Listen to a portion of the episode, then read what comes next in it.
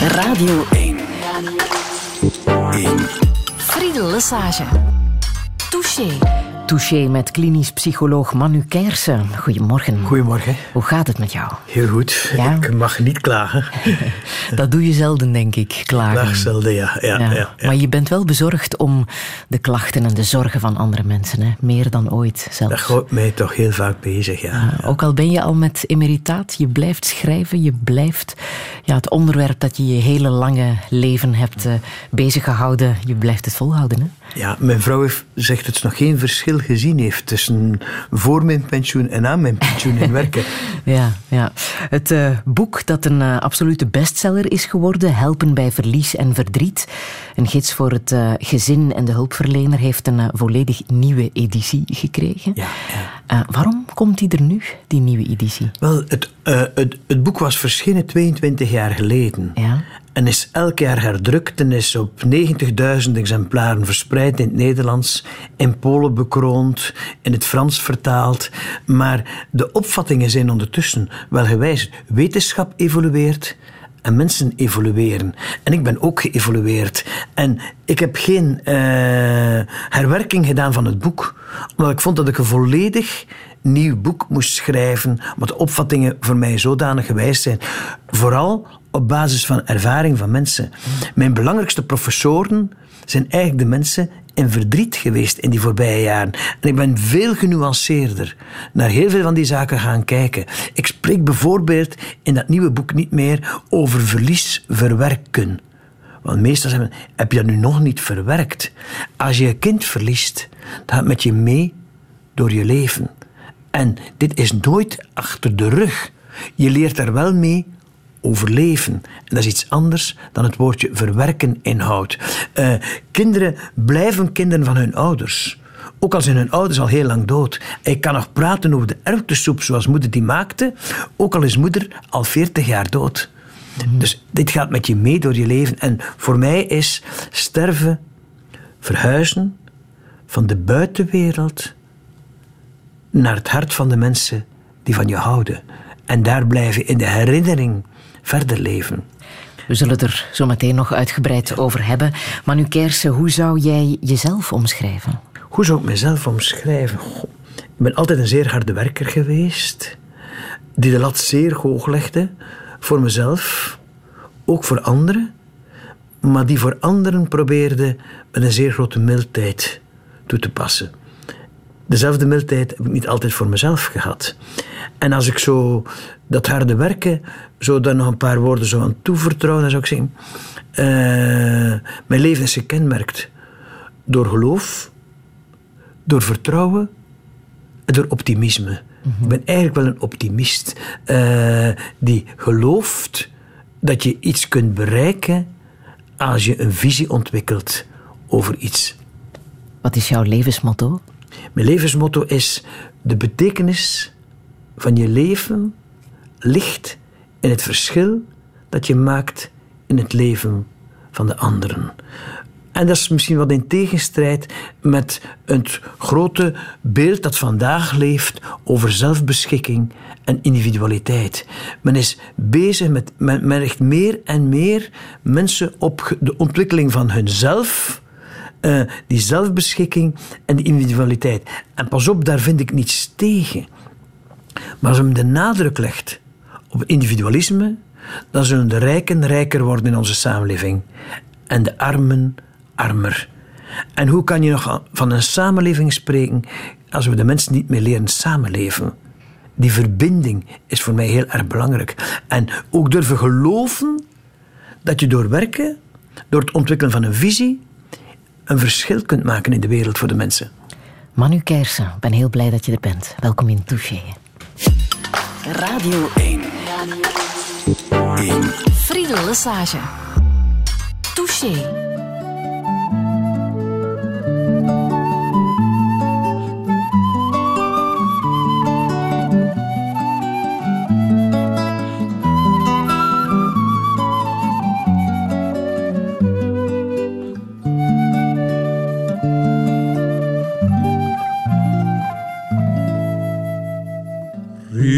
Is geboren, zo'n heel klein snotterke.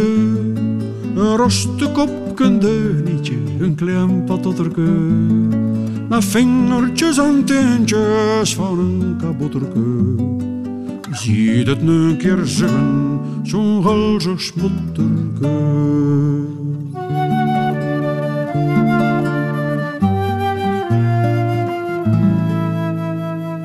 Daar moet nog vele groeien, ons klempernikkeltje.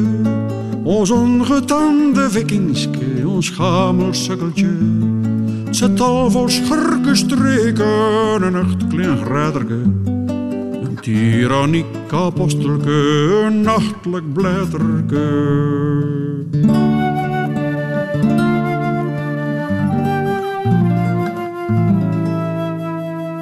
Wordt ons kleine prinske, ons Japans keizerke, ons Indianen opperhoofd, ons onderwijzerke. Bolleke, bontje, baske, ons zotte patatje, ons zieltje en ons liveke, ons boeddha, ons godje.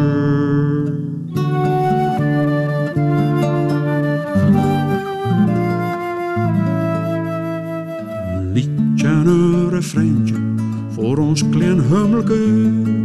Ons onnooglijk schepseltje, ons piepklempenmelke. En als het niet wil slapen, ons pirloïtje. Dan zal grootvader zingen, Rienekes liedje.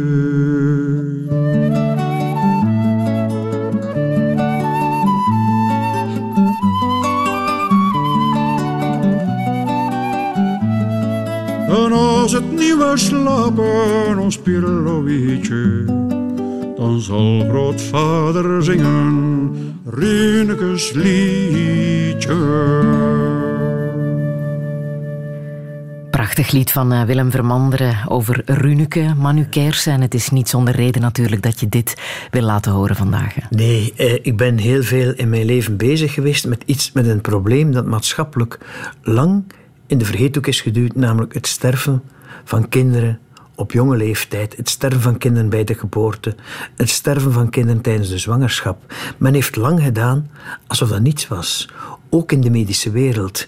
En ik heb daar zelf mijn eh, doctoraat over gemaakt in het jaar 89 en een pleidooi gehouden op basis van wetenschappelijk onderzoek om overleden kinderen in de armen van hun ouders te geven.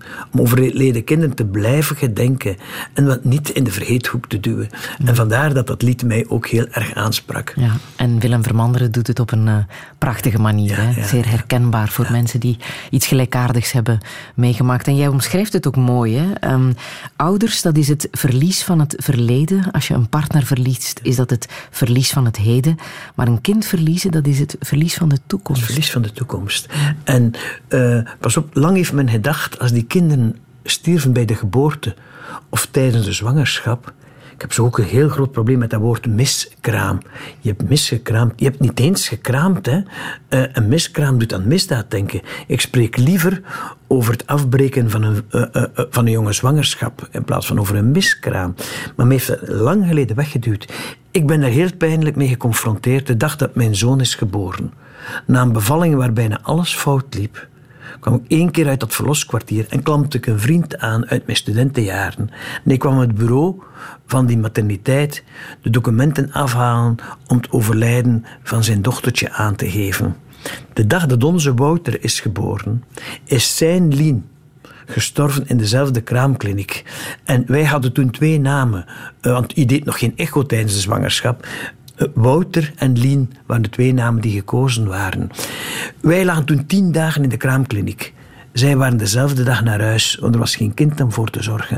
En ik ben de volgende avond bij hen geweest en ze zaten aan weerszijden van een lege wieg in die woonkamer. Toen ik later in dat ziekenhuis kwam werken, zei we moeten daar iets aan doen. Die mensen hebben zorg nodig. Ze, kreeg ik te horen van, maar die mensen gaan rap naar huis en we zijn dat rap vergeten. Ik zei, denk je dat die mensen dat even snel vergeten? En toen zei de hoogleraar, man die ik zeer heb leren waarderen, maar nu, je zal dat wel moeten bewijzen, dat wij dat verkeerd doen. Dan heb ik een onderzoek gedaan bij 320 ouders. Daarover, en daarover mijn doctoraat verdedigd aan de Universiteit van Leiden in Nederland. En toen mijn, de dag dat ik mijn doctoraat verdeed, stond op de frontpagina van de Nederlandse kranten. Vlaming promoveert aan de Leidse Universiteit tot doctor in de geneeskunde over een zeer bijzonder onderwerp. Dat was toen krantennieuws, dat ik pleitte om die overleden kinderen in de armen van de ouders te geven.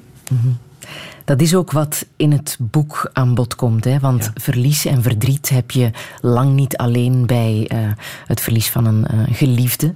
Uh, maar ook bijvoorbeeld in dit soort situaties, een ongeboren kind. Een ongeboren kind. Maar ook ouders die ongewenst kinderloos blijven. Mm -hmm. Die verliezen eigenlijk het kind waar ze zo naar verlangd hebben, dat er nooit is gekomen. Uh, ik heb het ook in dat boek uh, over allerlei situaties, zwangerschap en verlies, een kind afstaan voor adoptie. Uh, abortus om medische redenen. Om persoonlijke en sociale redenen. Donorinseminatie. Je, bent als kind, men heeft een probleem voor ouders opgelost met donorinseminatie. Maar dat kind later is op zoek naar wie was mijn vader. En heeft het recht om te weten wie die ouders zijn geweest. Uh, er zijn heel veel situaties, maar ik heb het ook buiten uh, een hoofdstuk over als baren opbaren wordt. Mm. Uh, als je kind sterft bij de geboorte. Maar het gaat ook over verlies door onrecht. Je job ontnomen worden op een onrechtvaardige wijze. Uh, het seksueel misbruik in de kerk. Uh, dit zijn ook verliessituaties voor mensen waar ze jaren mee hebben geleefd. het verdriet van asielzoekers. Als men een goed beleid uitbouwt voor asielzoekers, wat doet men? Men denkt aan de materiële dingen onderdak gaan laten studeren, gaan integreren. Maar wie denkt er aan al die emoties die asielzoekers meedragen in hun leven? Ouders die hun kind hebben zien vermoorden op die weg, die hun familieleden hebben achterlaten, die hier in België wonen en hun ouders sterven hinderen in een ver land. Niemand in ons land heeft die gekend. Wie staat stil bij dat verdriet? Mm, het heeft veel te maken met onwetendheid. Hè? En dat is wat je aanraadt, ook voor, uh, dat staat ook in je boek, uh, aan mensen die uh, in de omgeving van, ja, ja. van dit soort mensen leven. Luisteren is het ja, belangrijkste wat je kan doen. En je moet weten, die onwetendheid en de onkunde van mensen is ingebakken in onze taal en in ons beleid. Mm -hmm. Dat woordje miskraam. Ja. Uh, dat is ingebakken in onze taal. Dat heeft met onkunde en onwetendheid te maken. Dat zoiets, maar ook als je een kind verliest in een zeer zwaar ongeval. En je bent na vijf dagen niet in staat om terug aan het werk te gaan. Dan moet je naar de arts gaan en een ziektebriefje vragen. Dus ouders wiens kind verongelukt, die zijn ziek als ze na vijf dagen niet kunnen gaan werken. Mm-hmm. Moet je de vraag stellen of je niet eerder ziek bent. Als je na vijf dagen je perfect op je werk terug kunt concentreren. Dus het, het onkunde is ingebakken in ons beleid en in ons taalgebruik. Mm-hmm. Je omschrijft vier stappen uh, in de manier waarop je verlies uh, en verdriet kan, uh, ja. kan verwerken. Het begint natuurlijk met dat bewuste verlies onder ogen te zien. Hè? Ja, ja, te begrijpen wat er is gebeurd. En men moet mensen uitleg geven hoe verschrikkelijk dit ook is. Hè? Men moet mensen helpen om afscheid te gaan nemen van die overledene. Ook al is die ernstig verminkt. Uh, want je moet die werkelijkheid die zich heeft voorgedaan onder ogen proberen te zien. Mm -hmm. Uh, en mensen zeggen vaak: probeer het beeld te bewaren van, van hem toen hij nog leefde. Dat is goed dat mensen een beeld bewaren van hun kind of hun partner toen hij nog leefde. Maar ze moeten ook een beeld krijgen van dat kind en die partner nu niet meer leeft. Want dit is de werkelijkheid. En doet dat altijd goed om daarmee geconfronteerd te worden? Want ik kan mij voorstellen dat dat niet altijd makkelijk is. Hè? Als het je in heel mensen, ernstige situaties is gebeurd. Je moet mensen tot niets verplichten die eerste dagen na een overlijden, die zijn zo overrompelend voor Aha. mensen, dat men mensen tot niets moet verplichten. Maar als mensen niet aan, men moet, als mensen bang zijn voor die confrontatie, moet men de vraag stellen: vertel eens, wat maakt je, wat maakt je bang? En misschien kan je het oplossen voor mensen. Je moet ze correcte informatie geven wat ze te zien zullen krijgen. Weet je, ik was zes jaar oud als een jongetje van vier in mijn straat verongelukte. En we gingen s'avonds op advies van de huisarts met de vier oudste kinderen met ons moeder een laatste groet brengen. Uh, enkel een handje van het kind konden we zien, want het hoofd was verpletterd onder de wielen van die vrachtwagen. Er was één bol wit verband. Ik herinner me aan zoveel jaar nog. Wij mochten veel langer opblijven dan normaal. We hadden een intens gesprek met onze ouders. En we kregen midden in de week een tas warme chocolademelk. De huisarts had aan mijn moeder gezegd: Denk eens na wat je met je kinderen doet als je warme sfeer wilt creëren. En luister naar je kinderen. Geef ze een tas warme chocolademelk, want voor pannenkoeken heb je geen tijd. En luister naar je kinderen. Boodschap van een huisarts, 65 jaar geleden. Wie zou er vandaag nog met vier jonge kinderen een groet gaan brengen aan een kind waarvan het hoofd verbrijzeld is onder de wielen van een vrachtwagen? Maar die huisarts raadt dit aan. Mm Een tweede stap is uh, pijn van het verlies ervaren, ondergaan. Ja. Dat pijn mag gevoeld worden. Ja, je kan geen uh, verlies overleven zonder pijn te ervaren. Mhm. Dat doet, en die pijn snijdt door merg en been. Een arts die er op zijn werk kwam nadat zijn zoontje verongelukt was en die zich niet kon concentreren, zei men: Je hebt waarschijnlijk nog een beetje pijn.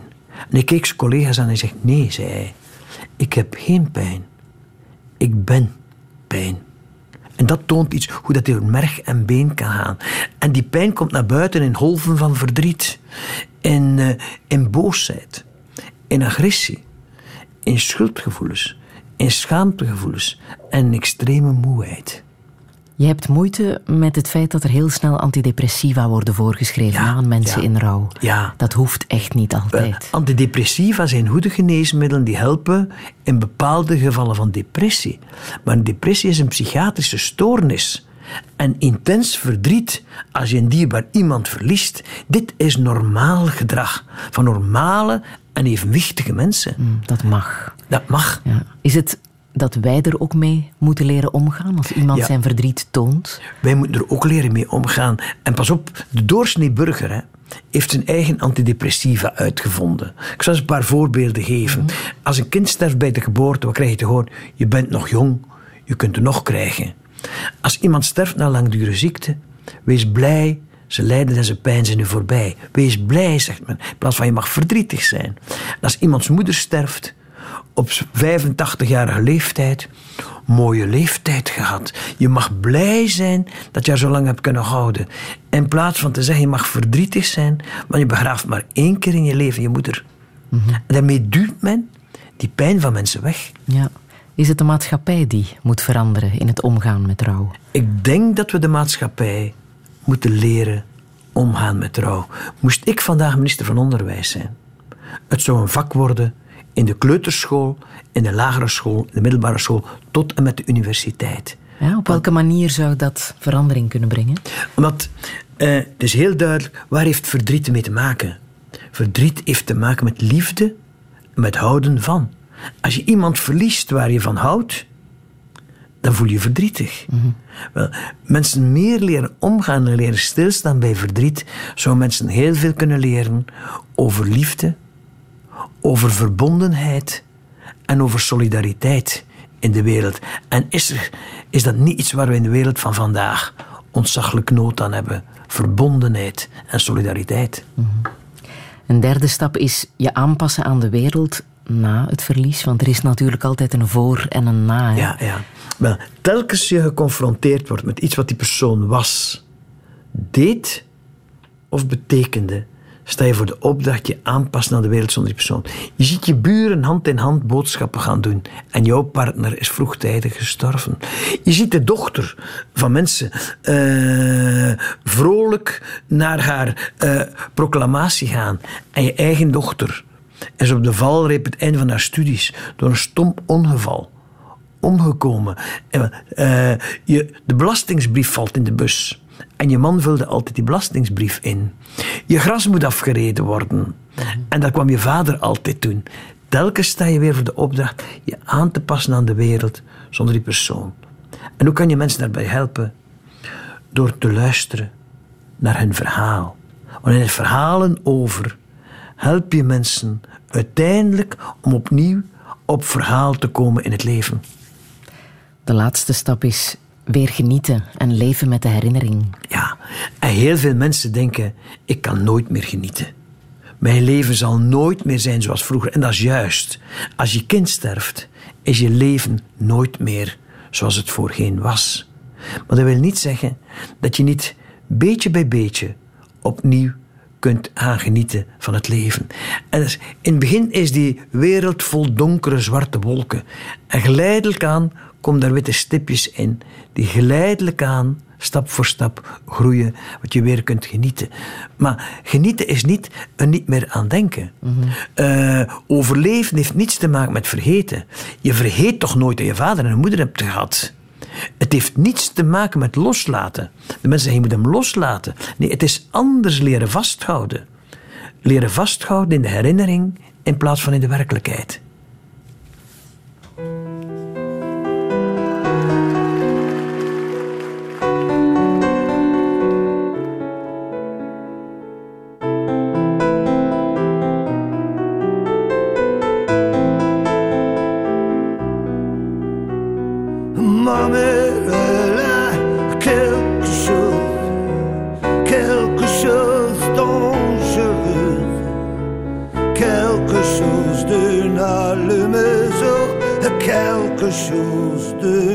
Elle a les yeux qui tuent, mais j'ai une sème sur mon corps. J'aime l'odeur au-dessous de ses bras.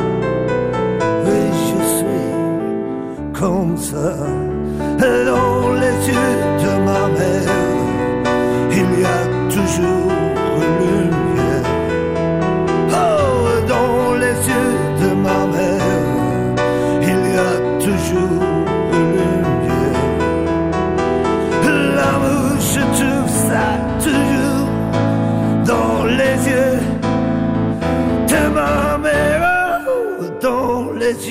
de ma mère, il y a toujours une lumière.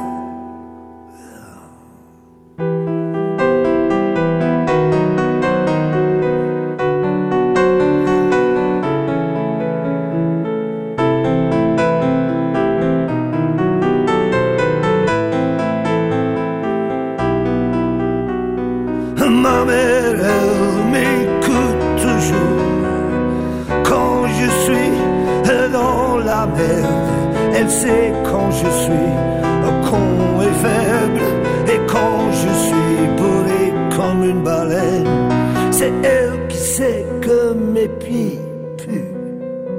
C'est elle qui sait comment je suis nu. Mais quand je suis malade, elle est la reine du suppositoire.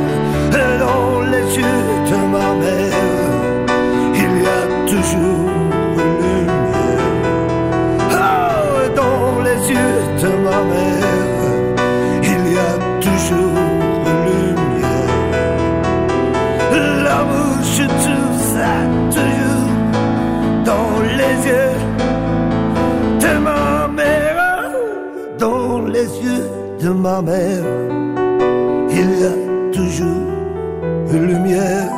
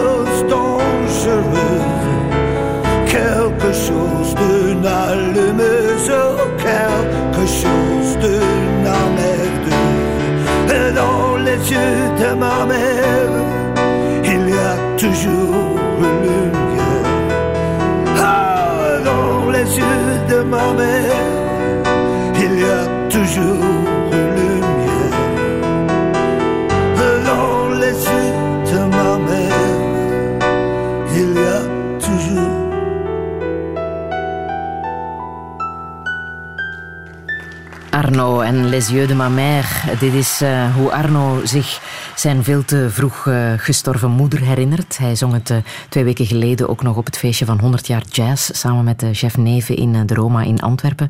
Maar nu Kersen, um, ik laat het horen omdat iedereen natuurlijk een band heeft met zijn of haar moeder Of je ze nu goed hebt gekend of niet. Ja. Mag ik dat zo omschrijven? Ja, zelfs mensen die hun moeder niet hebben gekend, Hebben een band. die vragen, hebben een band en vragen zich levenslang, eh, levenslang aan wie, zou mijn moeder geweest zijn. En ik probeer vandaag een aantal jonge mensen, wiens moeder heel vroeg gestorven is, eh, eh, samen met hen te zoeken naar vriendinnen van hun moeder in de tijd. Want vader vindt het te pijnlijk om over het vroegtijdig sterven van zijn vrouw te praten met zijn kinderen. Als ik kans krijg, zal ik ook hem helpen om dat te doen. Maar ondertussen probeer ik die kinderen in contact te brengen met vriendinnen van hun moeder, met tantes van vroeger. Soms zeg ik ga praten. eh, met de, met, met de, de ouders van die moeder, als die nog, eh, nog leven soms. Dat je weet wie je moeder is geweest. Want eigenlijk willen mensen dat weten. Ja, omdat de herinnering Ja, helpt. ja, ik vond het heel prachtig. Een huisarts vertelt mij, haar moeder is gestorven toen ze heel jong was. En vader heeft alles wat haar moeder herinnert weggedaan. Maar in de kast hing een beige kostuumetje dat moeder nog gekocht had. En dit is nooit weggedaan. En zonder dat iemand het wist, ging ze als kind over die mouwen strelen. En 60 jaar later vertelt ze dat de eerste keer aan haar zus. En haar zus, ik weet waar dat kostuumetje is. Ik heb dat gepikt. Als ik het huis verlaat, dan hang ik bij mij thuis in de kast. Je mag het hebben als je wil, want ik heb het nu al zo lang. En het jasje van dat kostuumetje ging op de stoel in de consultatiekamer van die huisarts. En als ze een moeilijk gesprek moest voeren met haar patiënten, nam ze twee mouwen vast en voelde ze kracht om haar gesprek te voeren. Nog een prachtig beeld. Welke herinnering heb jij aan je moeder? Oh, ik heb heel veel herinneringen aan moeder. Ik heb daar ook een boek over geschreven. Afscheid van moeder, als sterven een stuk leven wordt. Mijn moeder is gestorven toen ze 33 jaar was. Eh, 63 jaar was. En ik heb heel veel de kans gehad om die laatste tien maanden van haar leven bij haar sofa te zitten waar zij lag te sterven. Wat is sterven anders dan het laatste deel van je leven intens proberen te leven? We hebben heel veel gesprekken gehad. En als je mij de meest fundamentele herinneringen vraagt. eh, ik ben op 18 jaar naar de universiteit gegaan uit een gezin met elf kinderen. Ik was de tweede van elf. Mijn ouders moesten met sobere middelen proberen toe te komen. En een tweede naar de universiteit laten gaan, dat kostte meer dan hun laatste spaarcent. Ze moesten daarvoor lenen bij de toenmalige Boerinnenbond, de KVLV van vandaag. En mijn moeder ging mee tot aan de bus. Ik kom van een polderdorpje, Dutzelen bij Brugge. Mijn moeder ging mee tot aan de busschalte en zei... Naar Leuven, zo ver ben ik in mijn leven nog nooit geweest. Als je daar bent, doe je best. Want het kost meer dan onze laatste spaarcent. En vooruitkomen in het leven zal niet het moeilijkste zijn. Maar nooit vergeten van waar je komt. En alles wat je daar leert, toepassen voor de mensen die nooit die kans hebben gekregen. Dit zal eigenlijk het belangrijkste worden. Dit is altijd een van mijn levensboodschappen gebleven. Ik moet wetenschap vertalen op een begrijpbare manier voor mensen in de samenleving. Je moet wetenschap niet in de bibliotheken alleen laten staan.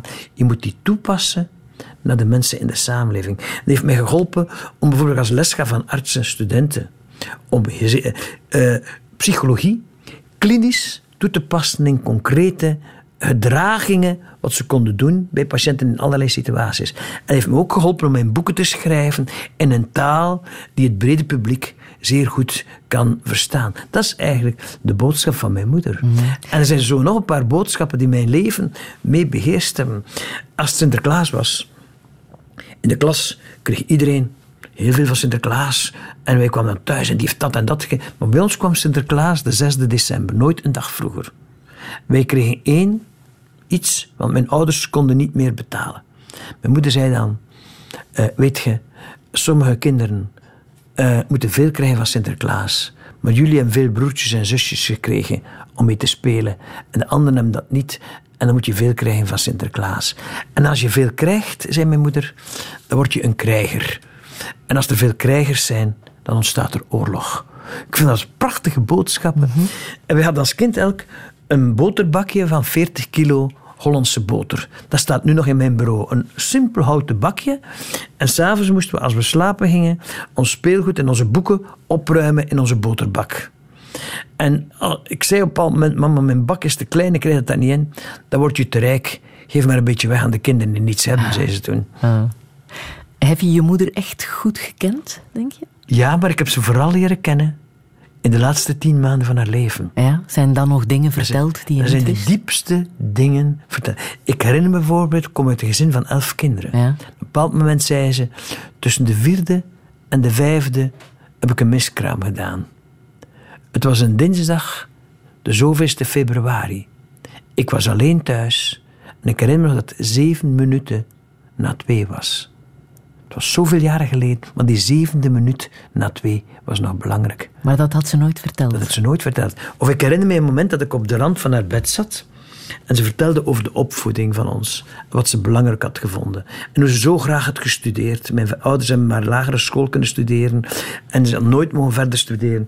En zei, ons doel was al onze kinderen een diploma meegeven. Meer zullen we niet kunnen meegeven dan dat.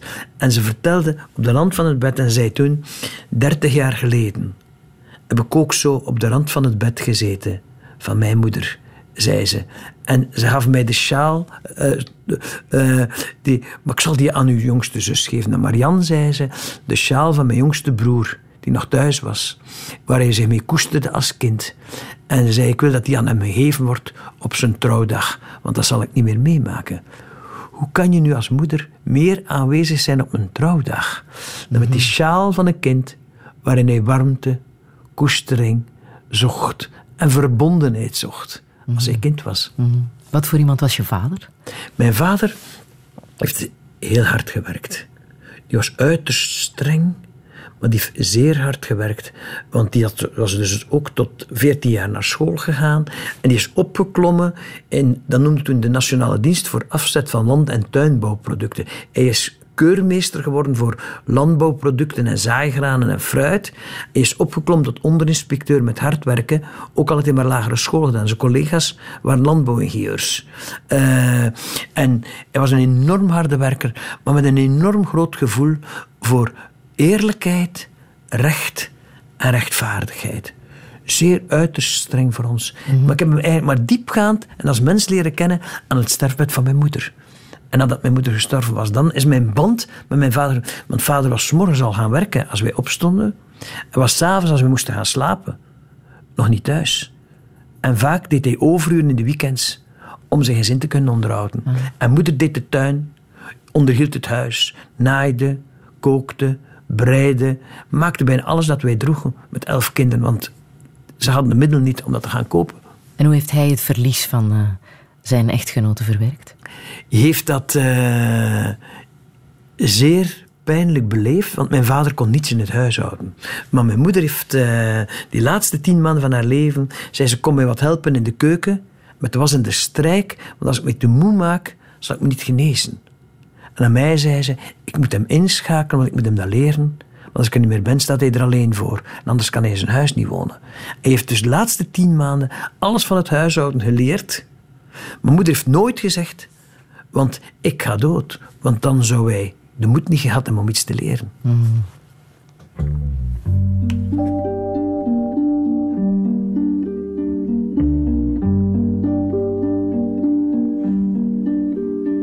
Toen ik naakt was, heb je mij bezocht. En toen ik dorst had, heb je mij gespijzigd. Toen ik gevangen zat, heb je mij gekleed. Jij hebt de goedheid tot onlogica gewijzigd.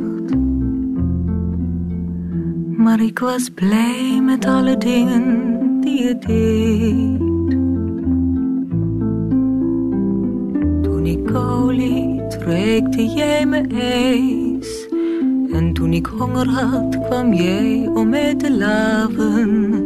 Terwijl ik blind was, bracht je mij een schilderij. En toen ik ziek was, bood je aan mij te begraven. Gewoon uit menselijk medeleven jegens mij. Was ik eenzaam, liet je mij alleen.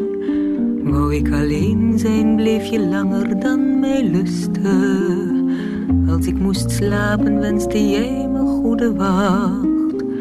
En moest ik wakker blijven, zei je wel te rusten. Maar je attenties waren altijd onverdacht. Zeg me niet, ik zag je nimmer naakt. Of dat ik nooit gevangen heb gezeten. Dat ik nooit honger of dorst had evenmin Jij was een mensenredder zonder het te weten. En was ik God, dan mocht je zo mijn hemel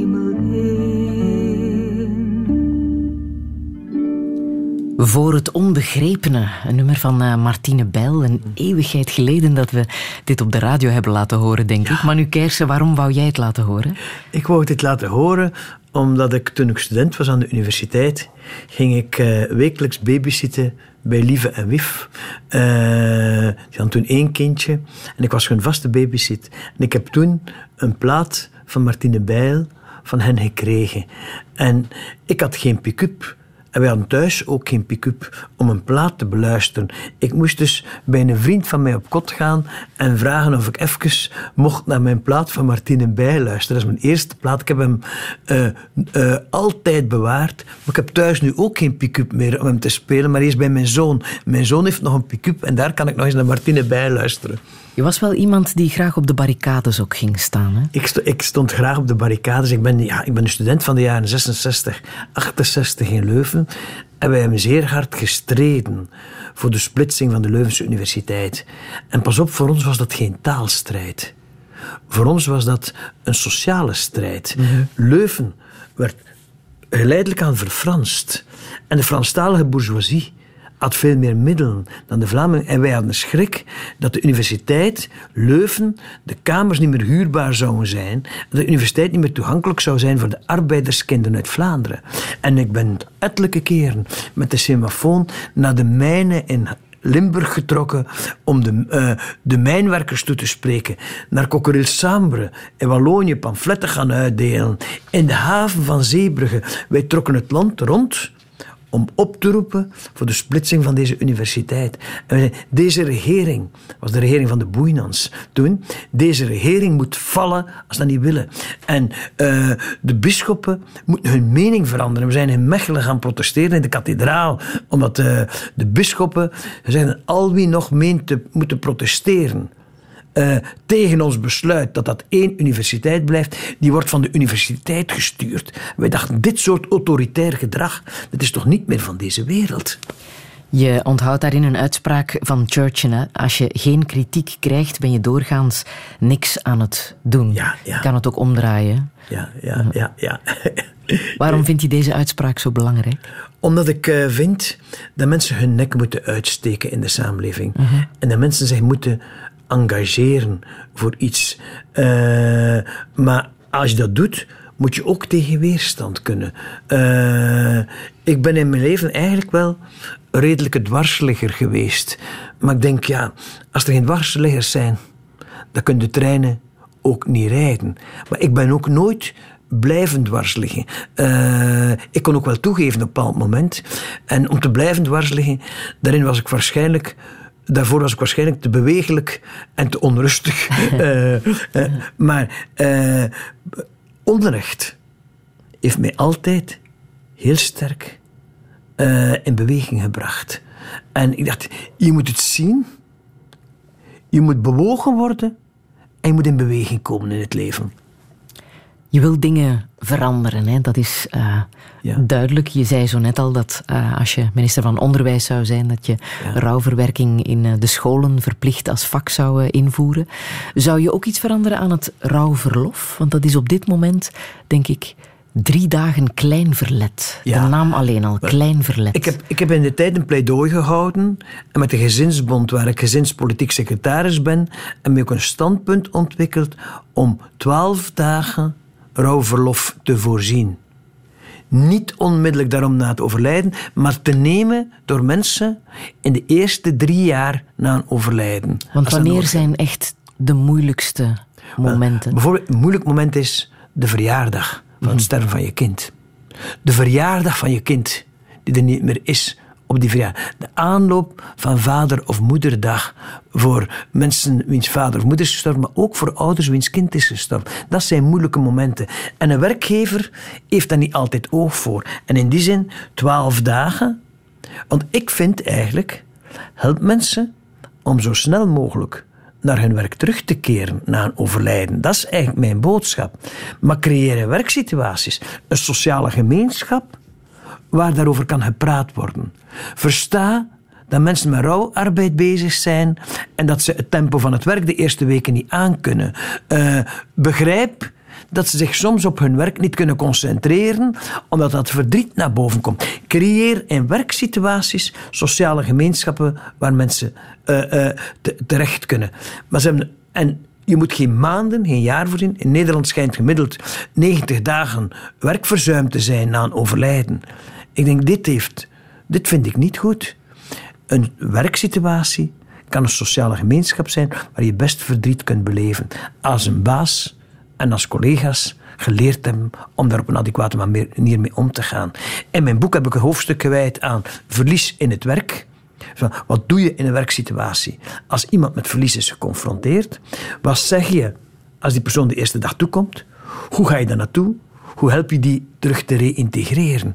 En bazen die productiviteit belangrijk vinden, die vinden toch ook het welzijn van hun werknemers belangrijk. En die bazen zouden leren om om te gaan met verlies en verdriet. Want dat zal de productiviteit van hun werknemers verhogen. Dat zij beter zullen voelen in die werksituatie. Er is ook een groot verschil in rouwverwerking bij mannen en vrouwen. Hè? Ja, ja, daar heb ik een hoofdstuk aan gewijd in mijn nieuw boek. Uh, je ziet vaak dat mannen daar misschien sneller rationeel mee bezig zijn, daar iets willen aan doen en rapper aan toekomst willen, uh, uh, willen gaan werken. En dat soms minder over praten en minder emoties laten zien. Pas op, dat heeft niets te maken met de biologie van de man of de vrouw. Het heeft veel meer met opvoeding te maken. Van jongs af aan zegt men, een grote jongen weent toch niet. Goed op je zusje passen. En wat zie je? Dat dit zich ook doorzet. Mannen hebben bijvoorbeeld veel minder vrienden waarmee ze over emoties kunnen praten dan vrouwen vriendinnen hebben waarmee ze over... Mannen hebben vrienden waarmee ze over actualiteit en prestaties praten. En vrouwen hebben meer vriendinnen waarmee ze over emoties praten. Pas op, dit zijn... Dat wil niet zeggen dat die mannen minder verdriet hebben dan vrouwen. Maar er is gewoon uh, een instrumentele manier van rouwen en een intuïtieve manier van rouwen. En die zijn evenwaardig. En als mannen en vrouwen dat beter zouden weten, dat zou eigenlijk veel problemen in relaties kunnen vermijden. Mhm. Mijn man praat over ons kind zo weinig. Hield hij er dan niet van? Jawel. Maar die heeft een andere manier van daarmee om te gaan. En die twee manieren van doen kunnen complementair zijn. Jouw broer heeft drie kinderen verloren. Ja. En zijn vrouw is ook verongelukt. Ja. Dat is te veel voor één mensenleven. Dat is te veel voor één mens. En ik weet dat die priester die toen die de derde uitvaart op één jaar tijd voorging voor hetzelfde gezin, mij de vraag stelde: hoe kan ik nu een toespraak houden in zo'n uitvaart? Mhm. Ik heb hem toen gezegd: ik zal je helpen. Sta voor die kerk. Zeg mensen, daar zijn geen woorden voor. En vraag iedereen vijf minuten stilte in de buiten gaan zijn zo'n mensen die pastoor heeft mooi gepreekt. Mhm. Hoe ben jij toen uh, een steun geweest voor je eigen broer? Mijn eigen broer is ook weer iemand die uh, rap in actie schiet en niet zo gemakkelijk emoties uh, toelaat. En, maar dat was zijn manier van doen. Ik weet dat ik hem ging gaan bezoeken kort na die uitvaart en hij, was, hij zat op het dak van zijn veranda te timmeren en een nieuw dak te leggen. Hij heeft, eh, het, is, het is een man die ontzaglijk, ontzaglijk handig is in allerlei dingen. En hij zegt, je moet niet denken dat ik voor u van het dak zal komen, hem. Hij was aan het kloppen. Je kwam er uiteindelijk wel af hoor. Maar zijn zaak was fysiek. Ik zag hem verwoed kloppen. Hè. Je mhm. klopte uh, de pijn uit zijn lijf. Hoe kom jij tot rust? Hoe kom ik tot rust? Als ik s'avonds thuis kom, en ik, dat is heel vaak laat, omdat ik heel veel lezingen heb s'avonds. Nog altijd, hè? Nog altijd, ja. Als ik s'avonds thuis kom, uh, ik heb altijd mijn boek bij om te lezen. Dat moet ook een wetenschappelijk boek zijn. Ik heb een, duizend, een bibliotheek met duizenden boeken over rouw, verdriet, palliatieve zorg, terminale zorg. Ik lees nog even en ik neem een heel warm bad. En ik, en ik lig in het bad met mijn boek in mijn handen. En waar vind je rust om te schrijven aan jouw boeken? Om, om te schrijven, goh, ik kan thuis die rust ook wel, maar om te beginnen aan een nieuw boek moet ik weg. Dan kan ik niet thuis. En vroeger ging ik altijd naar de abdij van Malen. Dat was een slotklooster van zusters, waar ik een gastenkamer uh, kon huren voor enkele dagen. Maar die zusters hebben dat klooster gesloten, omdat ze met te weinig nog waren.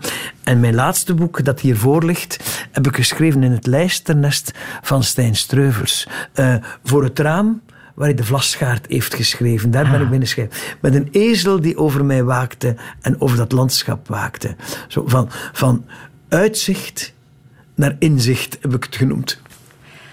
Ik heb uh, muziek klaarstaan uit uh, de Oscarfilm Spotlight. Een film uit uh, eh, 2015 van Tom McCarthy.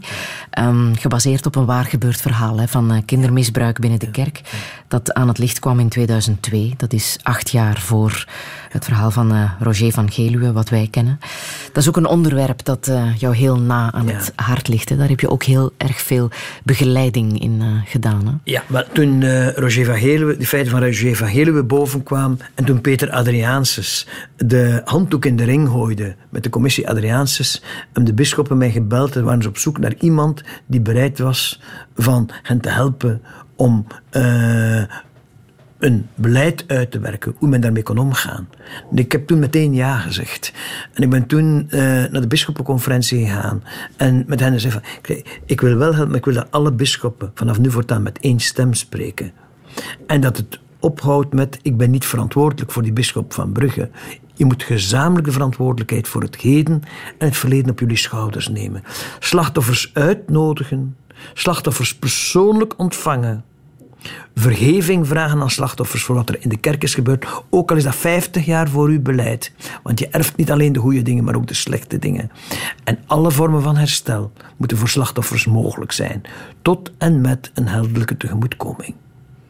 En dat het sommigen zijn, dit krijgt je nooit in de eerste 50 jaar door de Belgische kerk. Vijf maanden later hebben de bisschoppen en de hoger oversten van België dit unaniem aanvaard. En ondertussen hebben we honderden slachtoffers kunnen laten opvangen door die opvangpunten die opgericht zijn. 600 mensen zijn voor de arbitrage gekomen in de Koning Boudewijn Stichting, opgericht voor mensen die geen vertrouwen meer hadden in de kerk. Pas op, je kon die dingen niet meer voor de rechtbank brengen, want het ging om verjaarde en niet bewezen feiten. Ja, hoe kon je dat bewijzen na zoveel jaar? Maar wij vonden dat die mensen het recht hadden. Mhm. Uh, en de herinnering daaraan vonden wij dat niet kon worden doodgezwegen. Vandaar dat er ook in de kathedraal van Brugge, in de kathedraal van Antwerpen, in de kerk van Buizingen en onlangs in de basiliek van Koekelberg een beeld is geïnstalleerd om dit blijvend te herinneren. Dat die zwarte bladzijde in de kerk er is geweest en om voor iedereen een tekenwaarde te zijn van dit zal zich, mag zich nooit meer voordoen. Vandaag komt het in de sportwereld naar boven. Ik wou het net zeggen. Jammer en spijtig dat dat nu naar boven komt, want het is evenzeer mm aan bod geweest in de parlementaire commissie, zoveel jaar geleden, als het misbruik in de kerk. En men heeft toen de kerk verder aangepakt, maar niet de sportwereld en niet de judo en dergelijke meer. En denk ik, hoeveel kinderlevens zijn gebroken door de kerk in het verleden, maar ook door machthebbers in die atletiek, want die kinderen zijn daar afhankelijk. Seksueel misbruik is machtsmisbruik, is je macht misbruiken. Maar je moet het ook in zijn tijdskader zien. Ik, heb, ik ken geen enkel tijdskader waarin ik kan verantwoorden dat een volwassene zijn handen niet thuis houdt. Bij kinderen, bij jonge meisjes en bij jongens. Ik ken geen tijdskader waarin dat past. Wat is jouw advies aan uh, kinderen, jongeren, mensen die het in de sport hebben meegemaakt? Dat ze zich melden. Ja. Uh, er is een website dus, hè, waar mensen inderdaad hun verhaal dat, kwijt kunnen. Dat, dat ze zich melden en dat ze vragen naar herstel en naar gerechtigheid. Men moet onrecht uit het verleden omzetten in recht voor de toekomst. Muziek uit Spotlight had ik beloofd. Daar zullen we nog naar luisteren.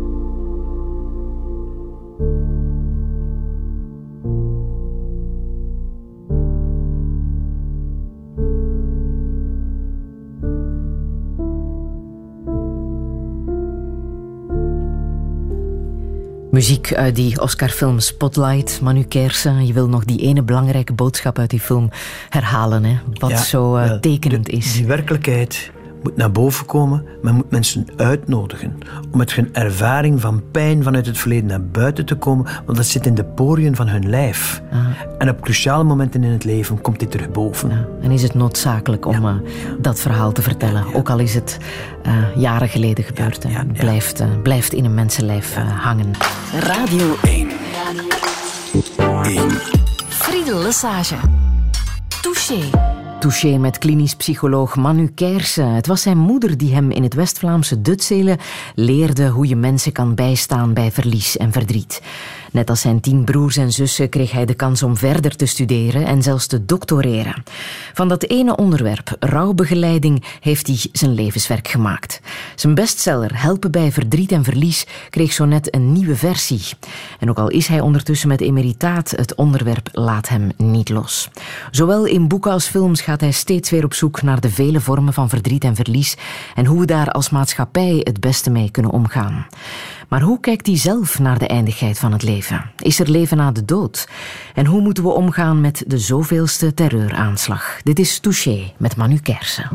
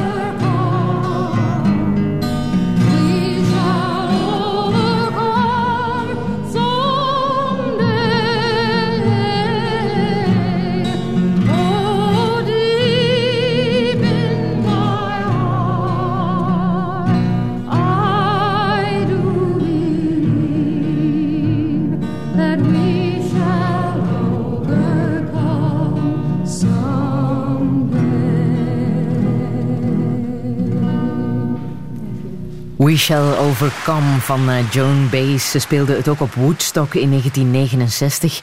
Manu Kersen, jij wou het absoluut laten horen, hè, dit nummer. Waarom precies? Ja, dat was mijn tweede plaatje dat ik had, zonder dat ik een pick-up had om het af te draaien. En uh, dat was ook ons lijflied in, de jaar, in het jaar 68, als wij in Leuven door de straten trokken, of in Vlaanderen door de straten trokken, zongen wij gezamenlijk dat lied Michel overkom. En zit daar iets, voor mij heeft het betekenis behouden, omdat ik die strijd van toen nooit wil vergeten, die strijd voor sociale rechtvaardigheid. En me regelmatig afvraag, ben ik in mijn leven gebleven waar ik in 68 voor blijf, bleef staan. En die boodschap, dat vertrouwen, dat uit dat plaat, we shall overcome. Dat is eigenlijk voor mij bijna een bijbelse boodschap. Ik denk dan aan het boek Prediker. Begin gewoon s morgens te zaaien. Gun je handen geen rust voor de avond valt. Misschien komt alles wel goed. Uh, zo, dit vertrouwen heb ik ook van thuis uit meegekregen, durf te geloven. Uh, uh, zorg dat je een visie hebt over de dingen. En doe daar iets mee. Uh, Dorothee Sille heeft ooit een boekje geschreven. Als het visioen ontbreekt, dan verwildert het volk. Je moet een visie hebben over de zaken. En John Baez, we shall overcome, maar ook we walk hand in hand. Is dit ook geen boodschap in die terreuraanvallen? Die we vandaag ook weer meemaken. Op welke manier kunnen we dat vertalen naar nu, denk je? Nou, nu, wel, ik, uh, men heeft mij onlangs nog gezegd, moeten we geen stoerdere taal spreken? Ik geloof niet direct in stoere taal. Ik geloof in verbondenheid. Wat zo net werd gezegd, we moeten harder optreden uh, tegen ja, ja, terreur. Ik, ik, denk dat we moeten aan verbondenheid denken. Dat we ons de vraag moeten stellen van waar komt die haat? Van waar komt die verdeeldheid? En we moeten niet bij een ander leggen, we moeten bij onszelf beginnen. Iedereen moet bij zichzelf beginnen na te denken. Van wat kan ik doen om aan verbinding te werken? Wat kan ik doen om verdeeldheid te vermijden? En je kan zeggen van, je bent een dromer. Wel, uh, als je alleen droomt, is dat maar een droom. Maar als velen dromen, is dat begin van een nieuwe werkelijkheid. En ik denk dat we maar aan een nieuwe werkelijkheid kunnen werken als we de wortels van verdeeldheid en van haat proberen in vraag te stellen en te gaan kijken hoe we die kunnen omzetten in hand in hand, zoals John Baez zingt. Ja. Elke keer weer wordt gezegd: terreur zal ons niet tegenhouden, we zullen verder leven. Ariana Grande geeft vanavond haar eh, benefietconcert, 14 dagen na de, na de aanslag in Manchester. Ze brengt terug haar uh, publiek bijeen. We zullen verder leven, maar toch zijn er mensen die, die angst hebben. Hè? Die, uh... zijn, zijn mensen die angst, en zeer terecht, hè? dat raakt niet alleen die gemeenschap daar ter plaatse, dat raakt zeer diep en vernietigt het leven van mensen wiens kind daarin komt te sterven. Maar dit raakt elke mens die betrokkenheid bij mensen voelt, mhm. zijn geraakt door wat er gebeurt. En ik zou als boodschap, en inderdaad, we mogen ons daar niet door laten doen, maar mijn boodschap zou zijn, mensen, laat ons luisteren en nadenken. Wat mensen bezielt, die zoiets doen, om te kijken of bij de wortels van die haat kunnen komen, om daar in de wereld rond te werken, dat we die haat kunnen doen verdwijnen. Mhm. Stel dat je zelf een gesprek kan voeren met een buurman, een jongen die je niet kent, en je voelt een verhaal dat vol ja, agressie zit, vol onbegrip, vol uh, ja. Um, ja, onvrede met het, met het leven. Ja. Wat doe je dan? Uh, mijn basisvraag is dan: Vertel eens wat je zo pijn doet. Vertel eens waar dat komt. Vertel eens wat je bezighoudt. Wat zou doen is luisteren, luisteren, luisteren en nog eens luisteren. In de hoop dat ik daarna de kans krijg, na lang luisteren, om van die persoon gedaan te krijgen dat hij ook naar twee of drie zinnen van mij wil luisteren. Wat zou je dan zeggen? En dan zou ik zeggen van, ik zou hem dan iets zeggen over uh, kunnen we zoeken naar dingen die ons verbindt in plaats van dingen die ons scheidt. Ja. En als we goed zoeken, als we goed naar elkaar luisteren, gaan we die mogelijk wel vinden. En dat kunnen we aan regeringsleiders vragen ook. Dat kan je aan, een, aan politici vragen. Ik heb het gekibbel in zo'n regering, denk ik ook van, maar geef nu toch eens het voorbeeld aan, aan de bevolking. Jullie zijn door de bevolking betaald. Doe daar iets mee.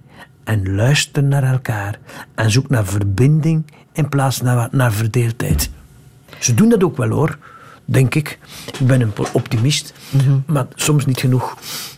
Mensen die van uh, dichtbij of veraf een aanslag hebben meegemaakt, of de gevolgen daarvan, ja, dat is ook het einde van een onbezorgd leven. Hè? Dat is ook afscheid nemen van een onbezorgd leven. Hoe ga je daarmee om? Ja, dat is een heel zwaar trauma voor mensen. Daar je moet er rekening mee houden dat dat op alle kruispunten van hun leven terug naar boven zal komen.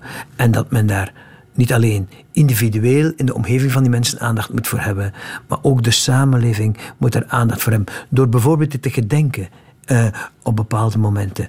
Maar daarnaast wil ik toch wel een pleidooi houden om niet alle andere mensen te vergeten die ook diep verdriet meemaken voor het sterven van een kind, van een partner en die niet die publieke aandacht hebben gekregen. Mhm. Want die zijn er ook. En ook dit voelt ook vaak pijnlijk terugkomen bij mensen. Ik denk aan de busramp in Sierre.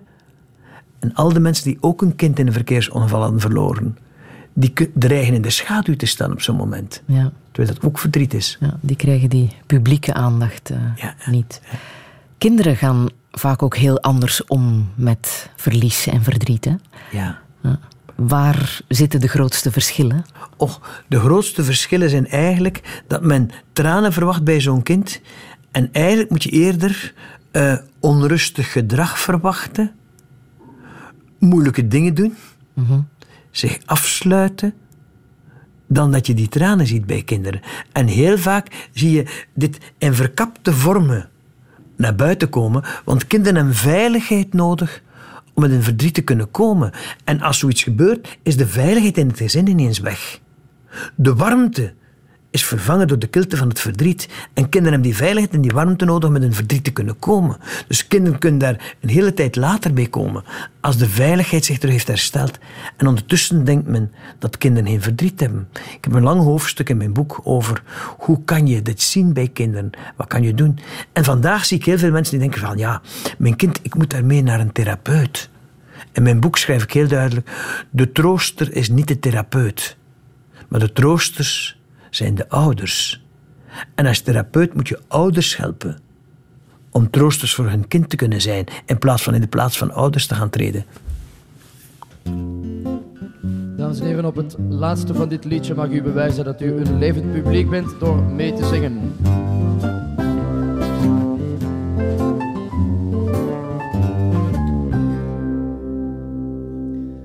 Je denkt misschien wat is het leven mooi en naar je zin? Je lacht, je danst, voelt je blij als een kind. Nooit vergeten, vriend, dat we allemaal de pijp uitgaan.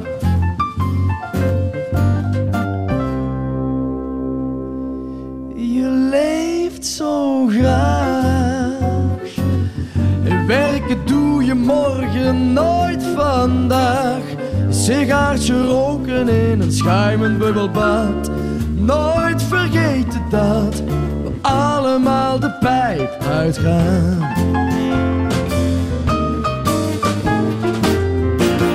Val er, val er, hopsa, vrolijk zijn.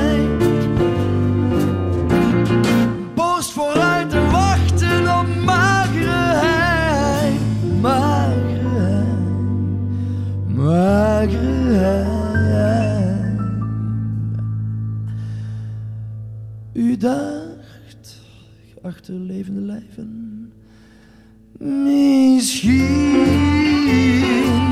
dat er een kans bestond om ongezien te blijven dolen op dit glibberig levenspad. Eén ding dat je vergat, dat we allemaal de pijp uitgaan.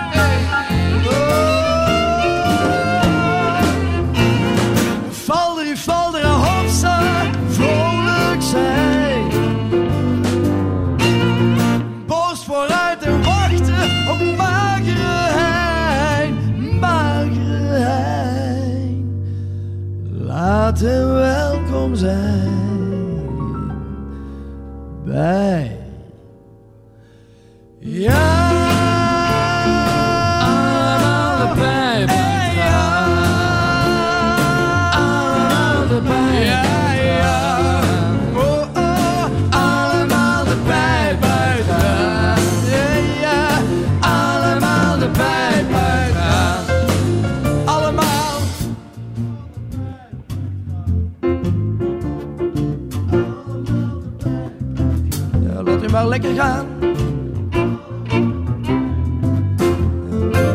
U moet er toch aan geloven. Ja, laat hem maar komen, dames en heren. Allemaal, maar. Allemaal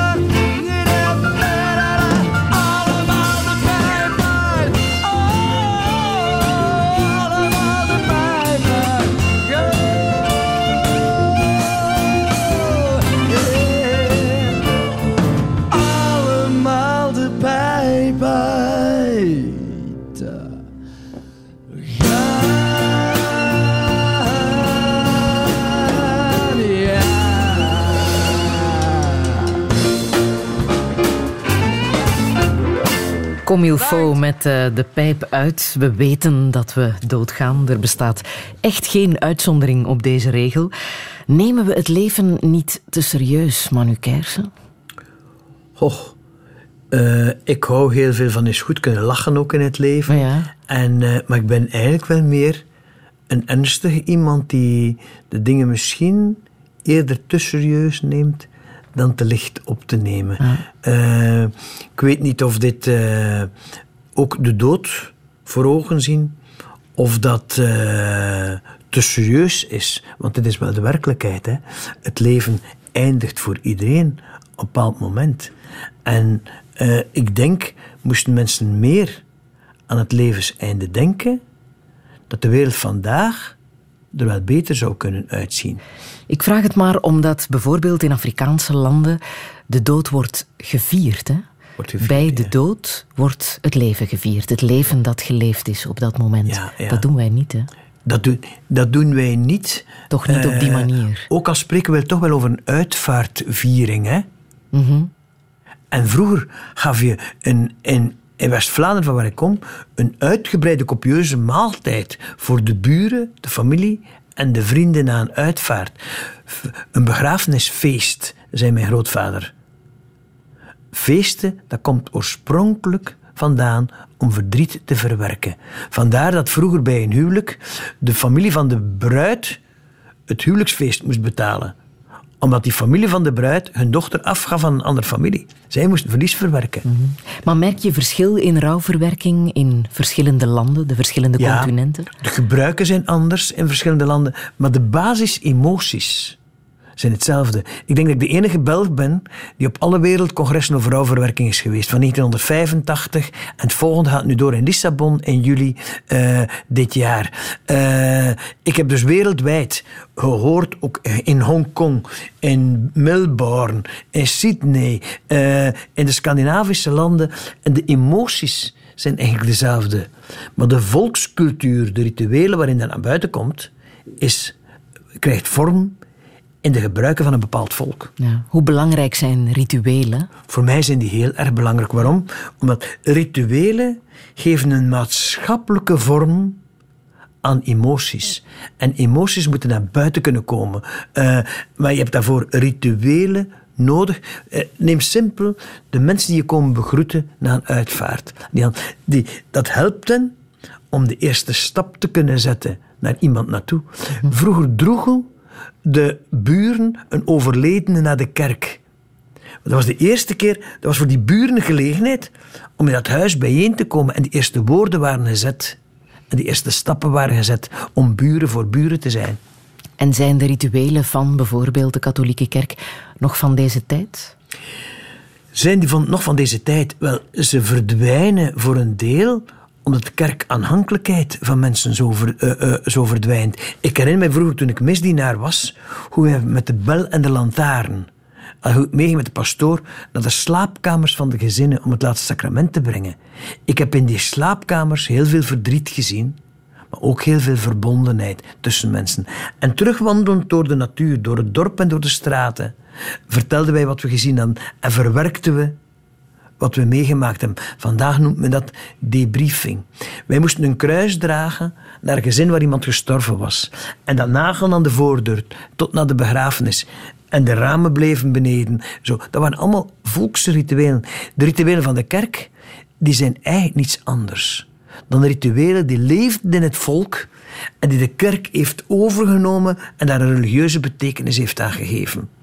Hier staat een ritueel beeldje, hè? al de hele tijd tijdens ons gesprek tussen ons naar jou te kijken. Ja, ja. Wat is de betekenis van dit beeldje? Wel, in de Yoruba-stam in Centraal-Afrika, wat wij een primitieve volksstam noemen, als een kind stierf bij de geboorte, moest de vader met de boomstronk naar de plaatselijke beeldhouwer gaan om een jongen of een meisje te laten snijden uit die boomstronk.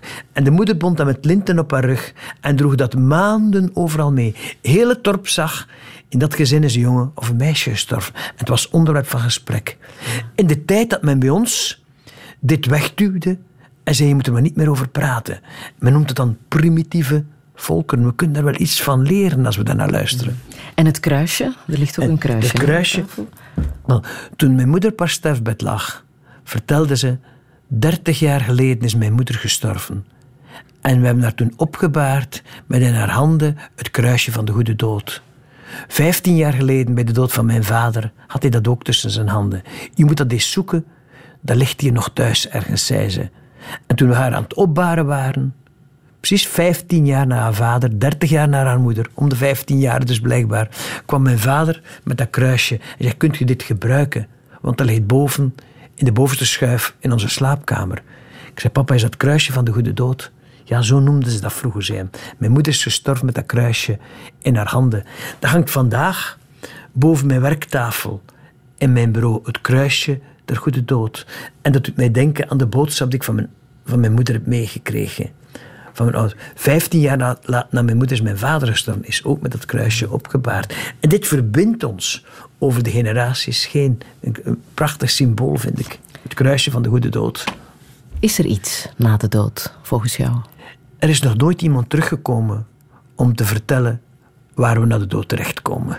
En uh, ik, weet het, ik weet dat dus niet. Maar wat ik wel weet is dat het hiernamaals dat je niet moet daarop wachten.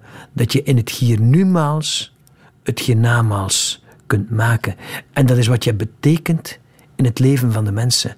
Wat je mensen hebt meegegeven, dit gaat nooit verloren. Daar geloof ik heel vast in. Mhm. Ben jij bang voor de dood? Bang? Eigenlijk niet, maar ik sta er nog niet voor. Ik ben wel terug hervallen van een kanker waar ik tien jaar geleden aan ben geopereerd die behandeling loopt nu ten einde. Ik zal in september weten of men dat onder controle krijgt, ja dan nee. Ik heb eigenlijk goede hoop, want ik heb heel die behandeling doorgemaakt zonder mijn activiteit te verminderen en te laten varen. Dus ik heb goede hoop dat ik misschien wel weer een nieuwe kans krijg in september. Ik heb een bijzonder goede huisarts en een schitterende specialist die competent zijn op dat gebied en die voor de beste zorg zorgen. Dus ik denk, ik hoop dat ik dit overleef. Als dat niet zo is, dan moet ik daar ook mijn conclusies uittrekken. Heb je daar ook over nagedacht? Stel dat je wel slecht nieuws krijgt. Ik heb daar ook over nagedacht en uh, ik hoop dat ik nog heel hard kan werken om een aantal dingen te voltooien. Ik ben in Gent als voorzitter van het psychiatrisch ziekenhuis aan het werken aan een fusie tussen twee psychiatrische ziekenhuizen en samenwerking met de uh, psychiatrische dienst van de Universiteit van Gent omdat ik weet dat we een veel betere geestelijke gezondheidszorg in Oost-Vlaanderen kunnen creëren als we onze, onze onafhankelijkheid opgeven en de middelen gaan samenvoegen. Ik zou zeer graag nog voor Villa Rozenrood in de pannen een, een stabiele toekomst bieden. Villa Rozenrood is een respijthuis waar gezinnen met een zeer zwaar ziek kind op vakantie kunnen gaan met verpleegkundigen en medische begeleiding. Uh, ik wil dat het huis een stabiele toekomst heeft. Mm uh, want dit vind ik ook een tekenwaarde in de samenleving van vandaag. Dat zo'n gezin, ook gezonde kinderen, eens recht hebben op vakantie. Ook al is hun broertje of zusje ernstig ziek. Ja. Jouw ambitie is volgens mij de beste medicijn om die kanker uh, uit je lijf te krijgen. Hè? Ik hoop dat hard werken.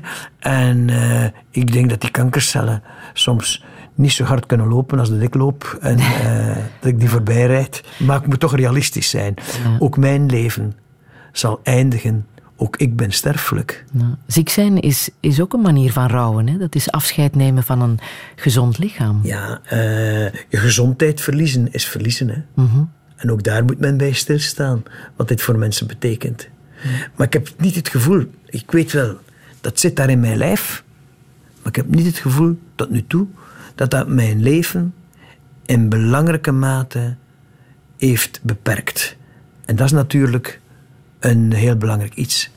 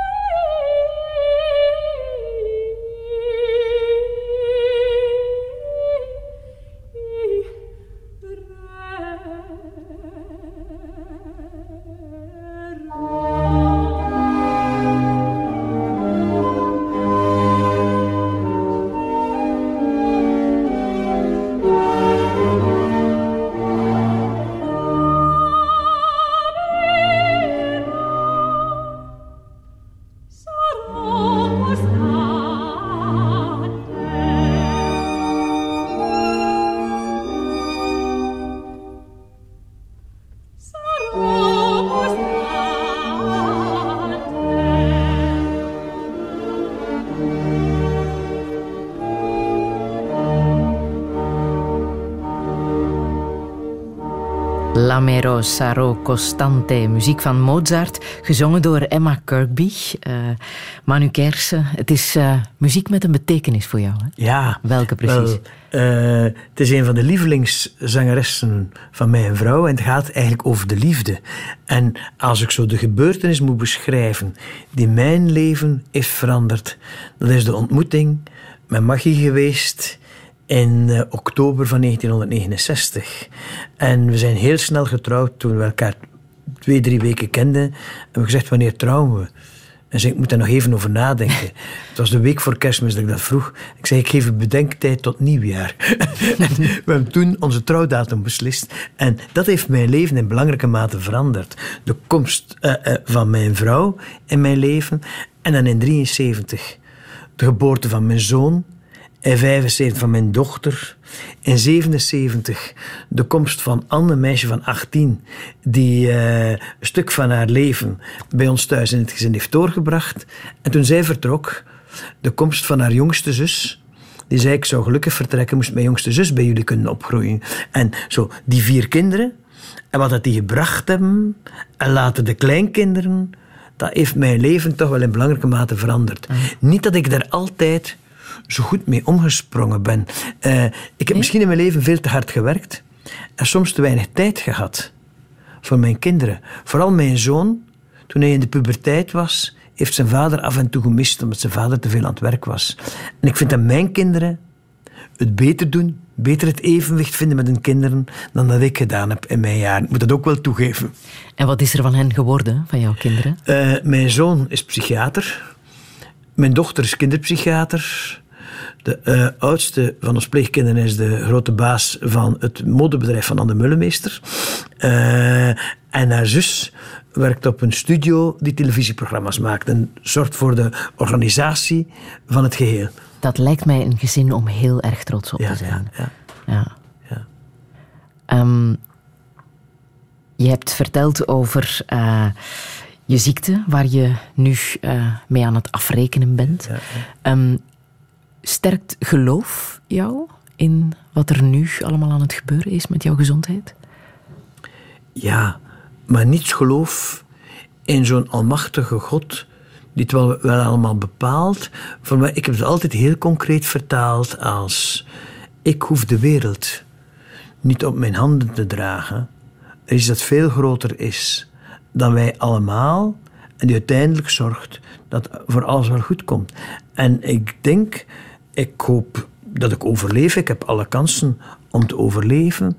Maar ik heb daar ook al in mijn leven heel lang over nagedacht. Mijn dochter kon soms al lachend zijn als ze van de universiteit thuis kwam, als ze nog student was in de tijd. Ik kom eens kijken of mijn oude papa nog niet dood is. Uh, lachend, omdat ik zo dikwijls ook aan dood dacht. En ik denk, de dood, dan moet je niet alleen denken aan denken op je sterfbed. Je moet eraan denken tijdens je leven. Mm-hmm. En weten van het leven is begrensd. Wat kan ik met die tijd die ik krijg doen om iets aan die wereld te veranderen en iets aan die wereld bij te dragen? Is euthanasie aan jou besteed? Ik heb in mijn wilsverklaring geschreven dat ik geen euthanasie wil, dat ik op een natuurlijke wijze wil sterven. Maar dat als ik mijn wil niet meer kan uiten, geen antibiotica meer wil, niet meer naar een ziekenhuis wil, tenzij dit nodig is voor het welzijn van mijn vrouw en mijn kinderen, niet meer op intensief care wil, geen uh, therapeutische hardnekkigheid, geen zinloze medische behandelingen meer wil. En dan zal ik waarschijnlijk niet zo lang overleven als ik me wil niet meer zou kunnen uiten. Zolang ik hem wel nog uit, kan uiten, kan ik zeggen wat ik nog wil en wat ik niet wil. Pas op, ik ben niet tegen euthanasie. Maar voor mezelf is mijn keuze dat ik een natuurlijke dood wil sterven. Euthanasie is voor mij vaak het gevolg van therapeutische hardnekkigheid. Van mensen te lang doorbehandelen met behandelingen die geen zin meer hebben, waardoor ze geruime tijd in een mensonwaardige situatie terechtkomen. Had men op tijd gestopt met die zinloze behandelingen, dan was hun, uh, waren ze niet in die toestand terechtgekomen. Hoe zou jij herinnerd willen worden? Hoe zou ik herinnerd willen worden? In een aantal heel concrete dingen die ik voor mensen heb proberen te betekenen en te veranderen in die samenleving. Uh, als iemand die gevochten heeft tegen onrechtvaardigheid en voor recht, maar ook als iemand die heel erg gehouden heeft van heel veel kleine dingen. Uh, van mijn vrouw en van mijn kinderen, dat zijn geen kleine dingen, dat zijn grote dingen, maar ook van de bloemen in de tuin. Van uh, natuurlijke dingen. Maar iemand die kinderen heeft zien staan. Iemand die gevochten heeft voor menswaardige opvang voor mensen met dementie. Uh, al die dingen zijn zo boodschappen die ik toch aan deze wereld zou willen nalaten. Zie de mensen staan.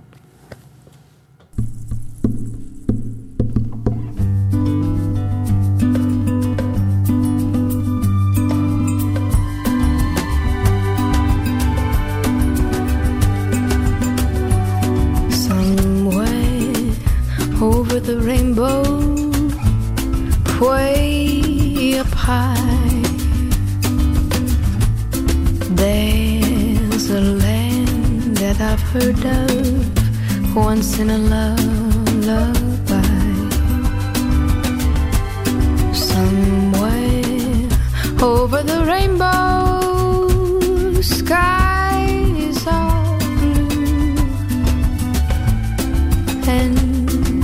That you dare to dream really do come true. Someday wish upon a star and wake up where the clouds are far behind. Where troubles melt like lemon drops away above the chimney tops. That's where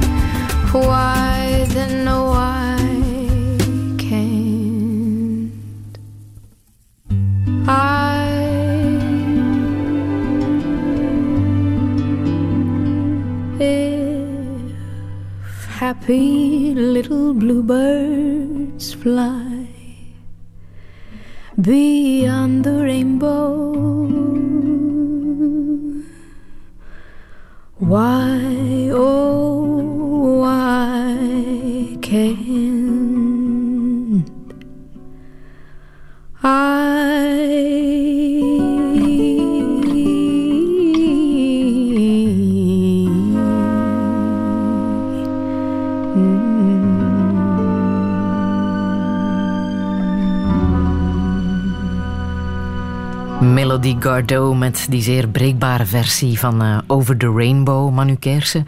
Ik laat het horen omdat ja, de regenboog altijd wel een soort symboliek heeft gehad hè, voor ja. wat er na de dood zou kunnen zijn, waar we mensen die gestorven zijn, die we verloren zijn, kunnen plaatsen. Dat is ergens ja, achter de regenboog, die sterrenhemel. Ja, is dat een goed idee? Eh, wel, ik hoor soms mensen zeggen aan kinderen van uw opa is nu een sterretje aan de hemel. Maar dat is voor kinderen moeilijk verstaanbaar. Ik hoor een kind, kind zei mij op een bepaald moment, bestaan er auto's die zo recht naar omhoog kunnen rijden. Want mijn opa lag in zo'n grote zwarte wagen en nu zit die kinder van boven.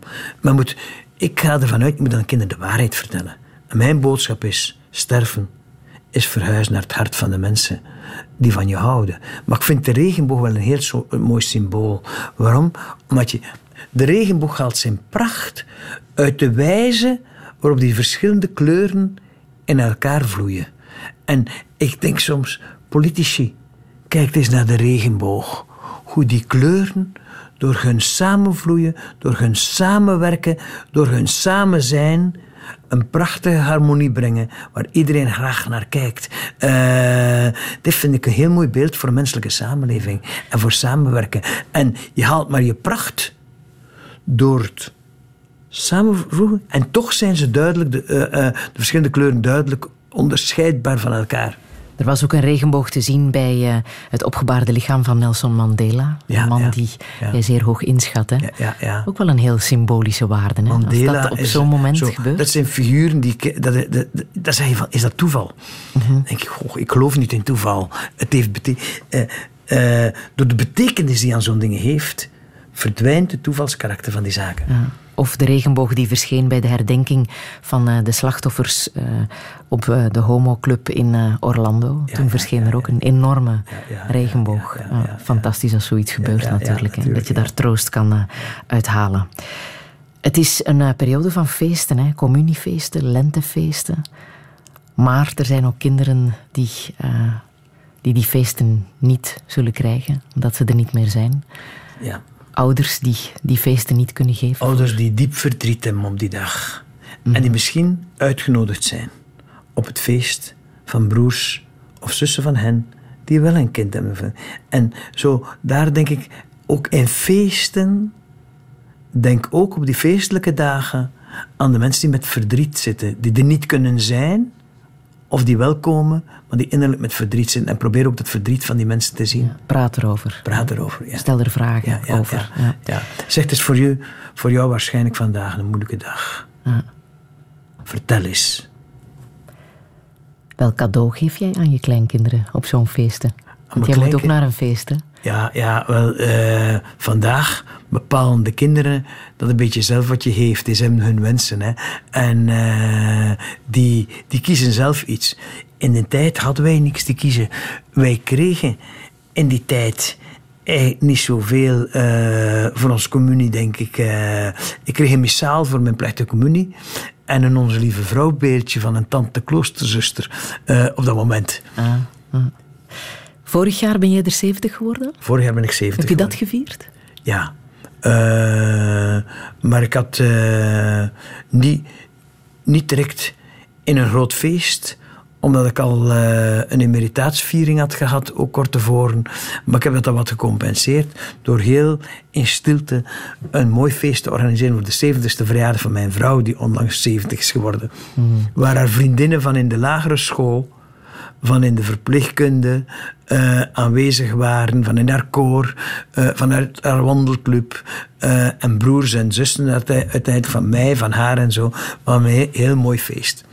Je hebt al verteld wat je op professioneel vlak nog absoluut zou willen in het leven. Ja, ja. Maar wat zou je nog willen op persoonlijk vlak? Op persoonlijk vlak zou ik nog de tijd willen nemen om een paar dingen neer te schrijven die uh, belangrijk vind voor mijn kinderen, voor mijn vrouw, als ik ooit eens niet meer zou zijn. Niet mijn wilsverklaring, want die al lang in het dossier bij mijn huisarts. Mhm. En ik heb die in een map in mijn bureau, wat bij mijn overlijden, dat zit daar al verschillende jaren in.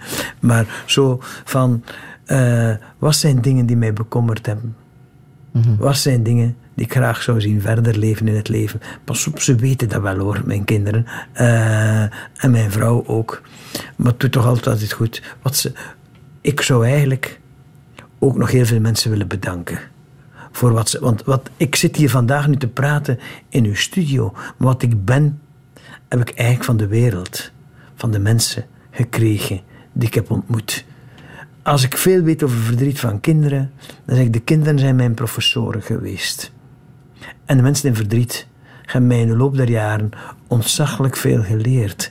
En wat ik graag nog zou doen, is de mensen danken voor wat ik van hen meegekregen heb. En, dit, en daar iets van teruggeven aan de samenleving. Want dat is niet van mij. Eh, als ik dat boek schrijf, probeer ik ook aan de samenleving terug te geven wat ik van die samenleving heb gekregen. Wat wil je hier als boodschap nog meegeven? Je hebt al heel veel boodschappen meegegeven, maar een slotboodschap? Als slotboodschap zou ik willen meegeven: mensen, denk regelmatig eens met de dood voor ogen. Want dan weet je, op dat moment kan je niks meenemen. En houd je niet bezig met verzamelen van rijkdom, met egoïsme, want op dat moment moeten we allemaal alles hier achterlaten wat we hebben. En moesten de meeste mensen meer kunnen denken met de dood voor ogen, dan denk ik dat er een grotere verbondenheid zou zijn. Dat er een grotere uh, eendracht in de samenleving zou ontstaan. En dat er een grotere mededeelzaamheid zou ontstaan in de wereld. Ik heb nog Bis Dubai Mir klaarstaan, muziek van uh, Bach. Waarom precies? Waarom wil je Waarom dit laten horen? Uh, als je bij mij bent, dan ik met vreugde naar mijn einde. Als jouw getrouwe handen mijn ogen sluiten. Dat vind ik zo'n mooie tekst, uh, die heel veel meegeeft. Uh, die verbondenheid tot in het laatste moment. En het, dan ga ik met vreugde naar mijn einde.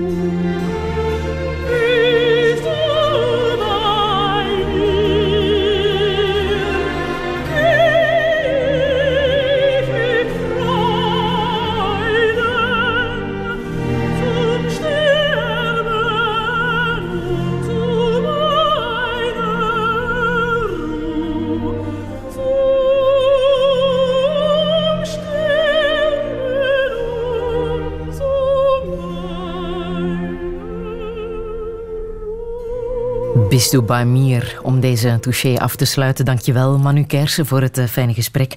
Alle info staat straks te lezen op onze website radio1.be. En volgende week verwacht ik hier schrijfster Maya Wolny. Herbeluister Touché via de podcast Radio Plus en radio1.be. Radio 1